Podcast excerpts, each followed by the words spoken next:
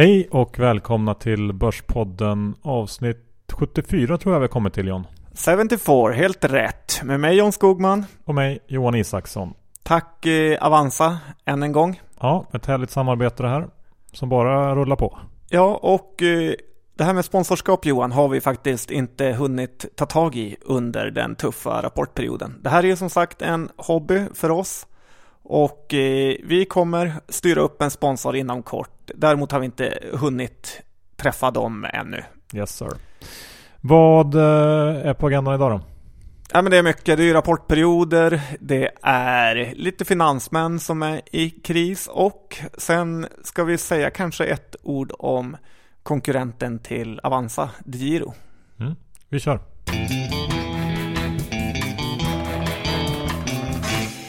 John, index rallar på, Draghi levererade trots att eh, jag var lite tveksam till det. Det måste man ge honom en eloge för att han lyckades med. Ja, han har alltid ett extra kort i bakfickan. Mm, men man ska alltid vara lite, när jag läste där i den här intervjun att han var gammal Goldman Sachs partner, då blev jag ju lite rädd.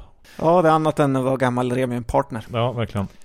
Sen, vad eh, säger du om det här? Vi har all time high, som det stod i Dagens Industri. Vi är i okänd terräng nu. Eh, fallit ner lite igår, eh, tisdag, men eh, oerhört högt står börsen. Ja, nej. Eh, jag vidhåller ju min syn att vi kommer få en lite större eh, korrektion här under första halvåret. Eh, får vi se vad det är som utlöser den. Jag tycker det finns eh, väldigt mycket att ta på om man nu vill hitta någonting som skulle kunna utlösa någonting. Det vi har pratat om så mycket så valutor och råvaror och oroshärdar i Ryssland och ja. För mig som inte är lika makrointresserad så håller jag med dig där och det är mest för att börsen har gått upp eh, 5-6 procent redan i år och eh, det här skulle betyda på en uppgång kring emot eh, 60-70 procent för det här året med ränta på ränta-effekt om det fortsätter med 5 procent i månaden. Så att det är ju helt solklart att sjätte, sjunde året på börsuppgången så är det väldigt svårt att tro att börsen ska gå upp 70 procent på ett år. Ja, man brukar säga att, att börsen har svårt att eh, fokusera på mer än en sak i taget och eh, det är det väl lite ett bevis på nu och just nu har fokus bara legat på pengarna från ECB. Jag berättar lite om valutorna. Ja, men eh, nu är det ju verkligen valutakrig runt om i världen och jag tycker att det är intressant att se hur hur eh, börserna går ungefär som euro, eh, US dollar eh, kursen går. Ja, det är en spännande leading indicator för oss traders. Vad ja. innebär det? Ja, att när euron försvagas så uppskattas det av, av börserna i Europa och framförallt kanske den tyska DAX-indexet som går jättebra på det. Och även OMX då. Och lite tvärtom när, när eh, dollarn försvagas så går börserna i USA bra på det. Och det är väl inte så konstigt. Nu börjar det bli ganska, ett ganska stort problem för många amerikanska bro, bro, bolag. Att dollarn är så stark som den är. Och jag tycker ju att det börjar bli mer och mer tveksamt att USA kommer att höja räntan här under året. Fed har ju sagt själva att eh, de räknar med att höja räntan någon gång under andra halvåret och konsensus ligger väl där någonstans.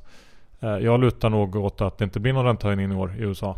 Det är ju så i krig Johan man gör ett drag så blir det motdrag på det. Och vi har ju sett ECBs drag nu. Ja, sen får vi se vad Kina hittar på. De är också med där.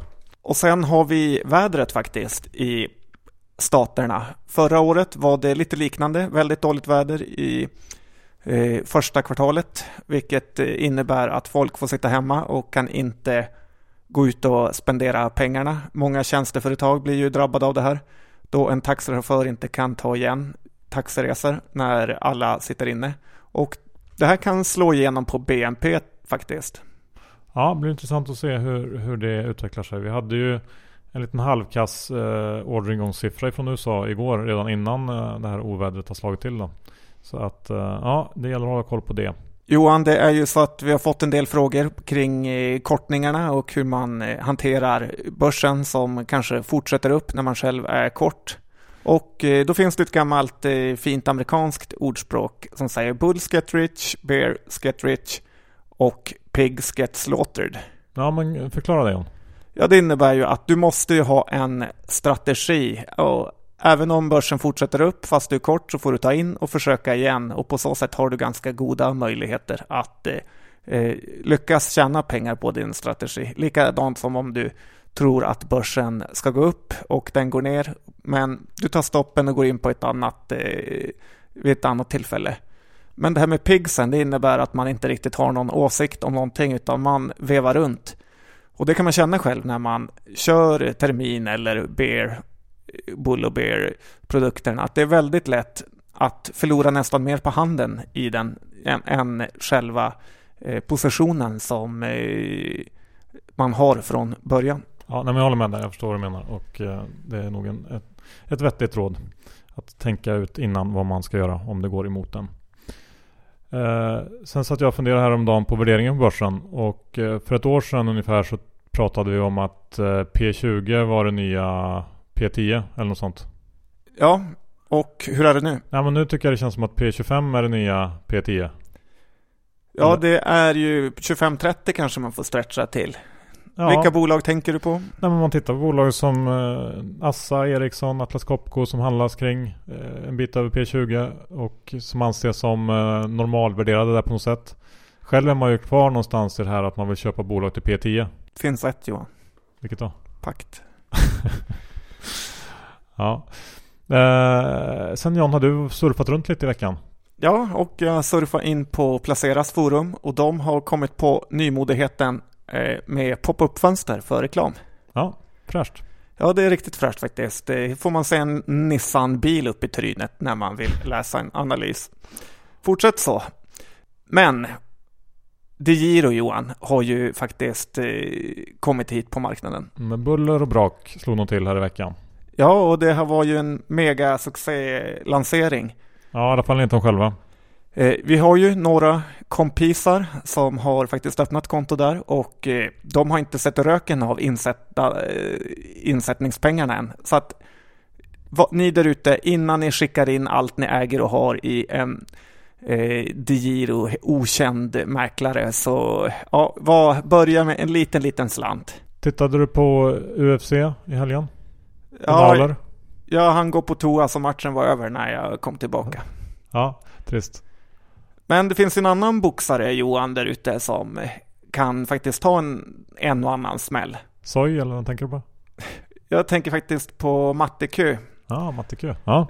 Mats Kviberg har ju fått ofattbara mängder skit av media, av eh, domstolarna och åklagarna är på han och sen även hans gamla bolag HQ gör ju nyemission i 50 miljoners klassen för att eh, sätta dit han. Ja, vad tycker du om det här då? Nej, jag börjar ju få känslan av att eh, det här är lite Rocky 4. Det är Drago mot eh, Rocky och vi börjar närma oss rond 12 och han har fått ofattbart mycket stryk. Men han kämpar på. Ja. Och lite börjar man höra i läktaren hur det ropas matte, matte, matte.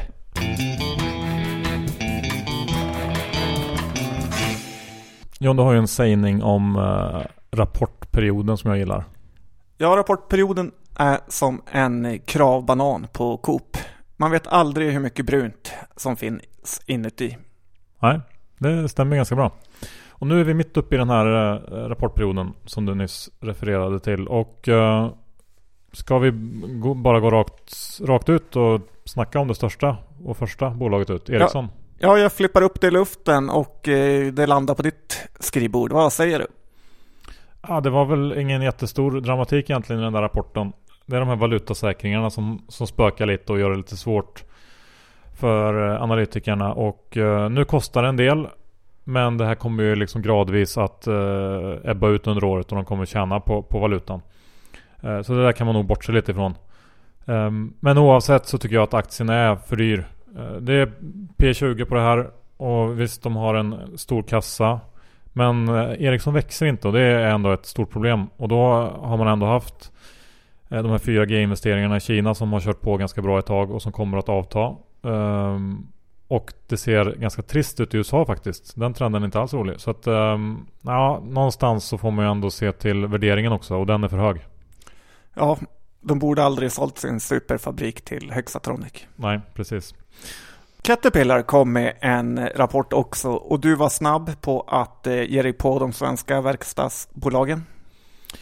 Ja, då tittar man ju på Atlas Copco, Sandvik och kanske SKF till viss del. Och uh, Caterpillars rapport var ju riktigt kass. Hur mycket som beror på den starka dollarn och hur mycket som beror på en svag uh, gruvkonjunktur är väl lite svårt att bena ut. Men det var ju en rejäl nedguidning där från, från Caterpillar. Och uh, ja, jag tror nog att det är nog ganska många där ute som är oroliga nu inför våra verkstadsrapporter. För verkstad är ju den sektorn som har gått absolut bäst nu sist på slutet inför rapporterna. Ja, det är upp till bevis för eh, dem faktiskt. Yes. Om vi tittar på dagens eh, storrapporter så är det ett av dina hatbolag, Electrolux, som Ja. kom in. Ja, och inte tycker jag mer om det efter den här dagen. Eftersom jag har kortat aktien och det har ju varit en usel eh, strategi. Just nu är Electrolux upp eh, 9,3% 242,40 Ehm, Billigt. Ja, kan man ju tycka. Eh, Jag vet inte, det känns som någon slags eh, relief rally eftersom Electrolux har varit utpekad som en av de stora dollarförlorarna och nu blev det inte det så farligt. Lite som du var inne på kanske här för något avsnitt sedan. Och eh, upp 9,34% som sagt. Det känns ju helt sjukt måste jag säga. Och eh, eh, visst, någon procent upp kanske kan vara okej. givet att man var lite rädd inför. Men samma sak här. P20 för 2015 ungefär. Lövtunna marginaler. Nu är han ute och håsar lite grann och säger att eh, marginalen kanske kan bli bättre om de får lite mer tillväxt i Europa och sådär. Men eh, nej, det där upp till bevis eh, skulle jag säga innan man köper in det. Så sälj där. H&M, Hennes och Maurits kommer med en lite ljummen rapport kanske. Ja, lite svagast lagat där eh, med tanke på kursutvecklingen och värderingen. Eh, Men så kommer man med en stark eh, januariförsäljning som väger upp lite grann där och ehm, ja, det är ingen stor miss det här. Kvalla är dyrt. De brukar säga det. Ett annat kvalitetsbolag, Nordea, smällde in med en ganska rejäl höjning av direktavkastningen, vilket fick aktien att eh, gå i taket.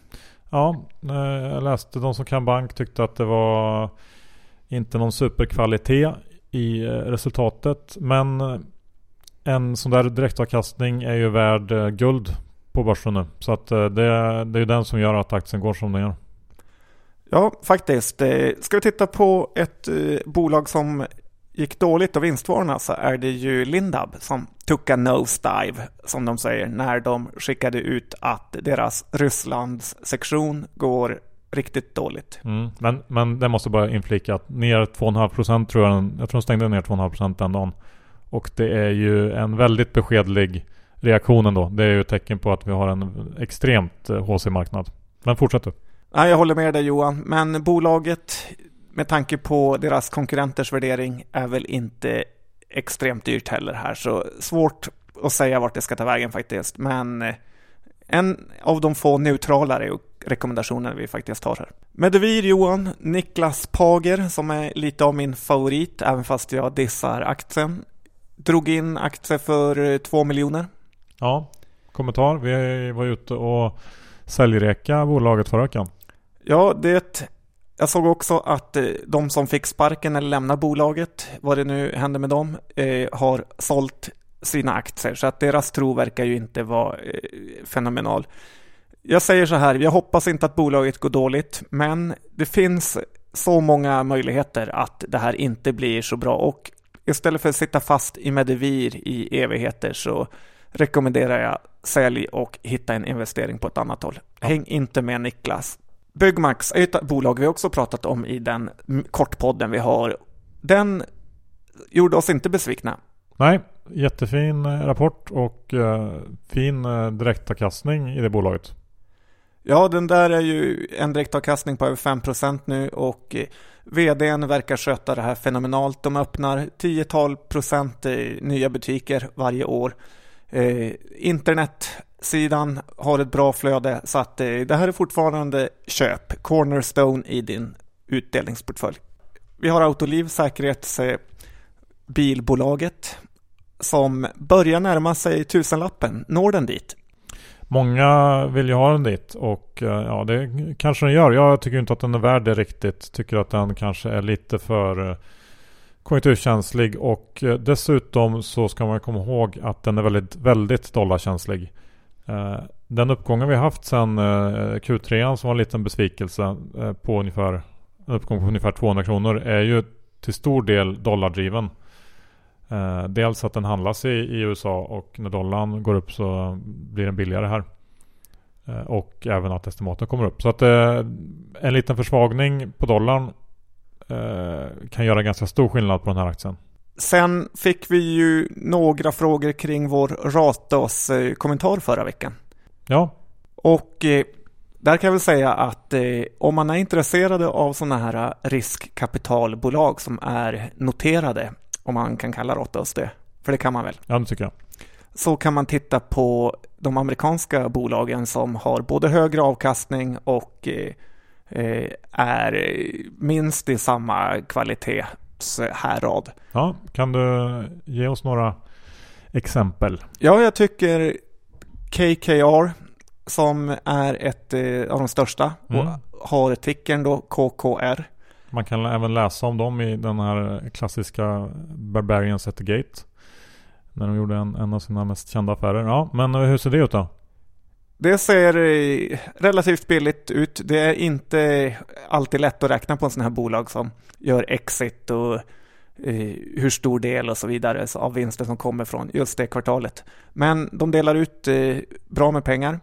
Sen har vi Blackstone som har ticken BX och har också ett enormt stort amerikanskt riskkapitalbolag. Mm.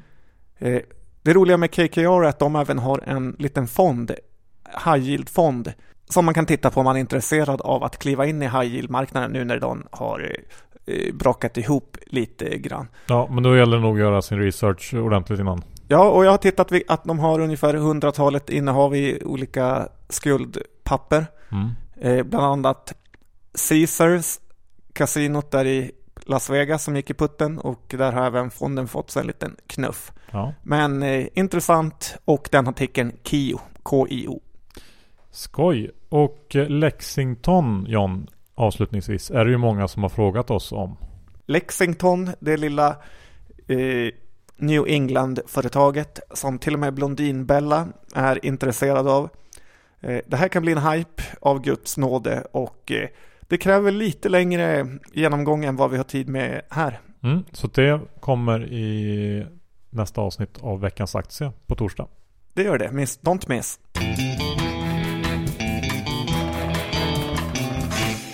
Ja John, det var ett eh, snabbt, koncist och eh, härligt avsnitt. Ja det var det. Och eh, om bara några minuter så har vi de eh, stora rapporterna för dagen klockan 12, mm. SKF och Getinge. Vi får hoppas på två fullblodsmissar. Ja, jag vet att du gör det Johan, men jag tror att du kommer lyckas tjäna även om det blir bra. Jag tror alla traders hoppas på det faktiskt, om jag ska vara ärlig. Eh, men men, vi får se vad det blir. Tack Avanza. Tack så mycket. Vill man oss något Johan så är det väl bara att twittra lite? Ja. Eller mejla.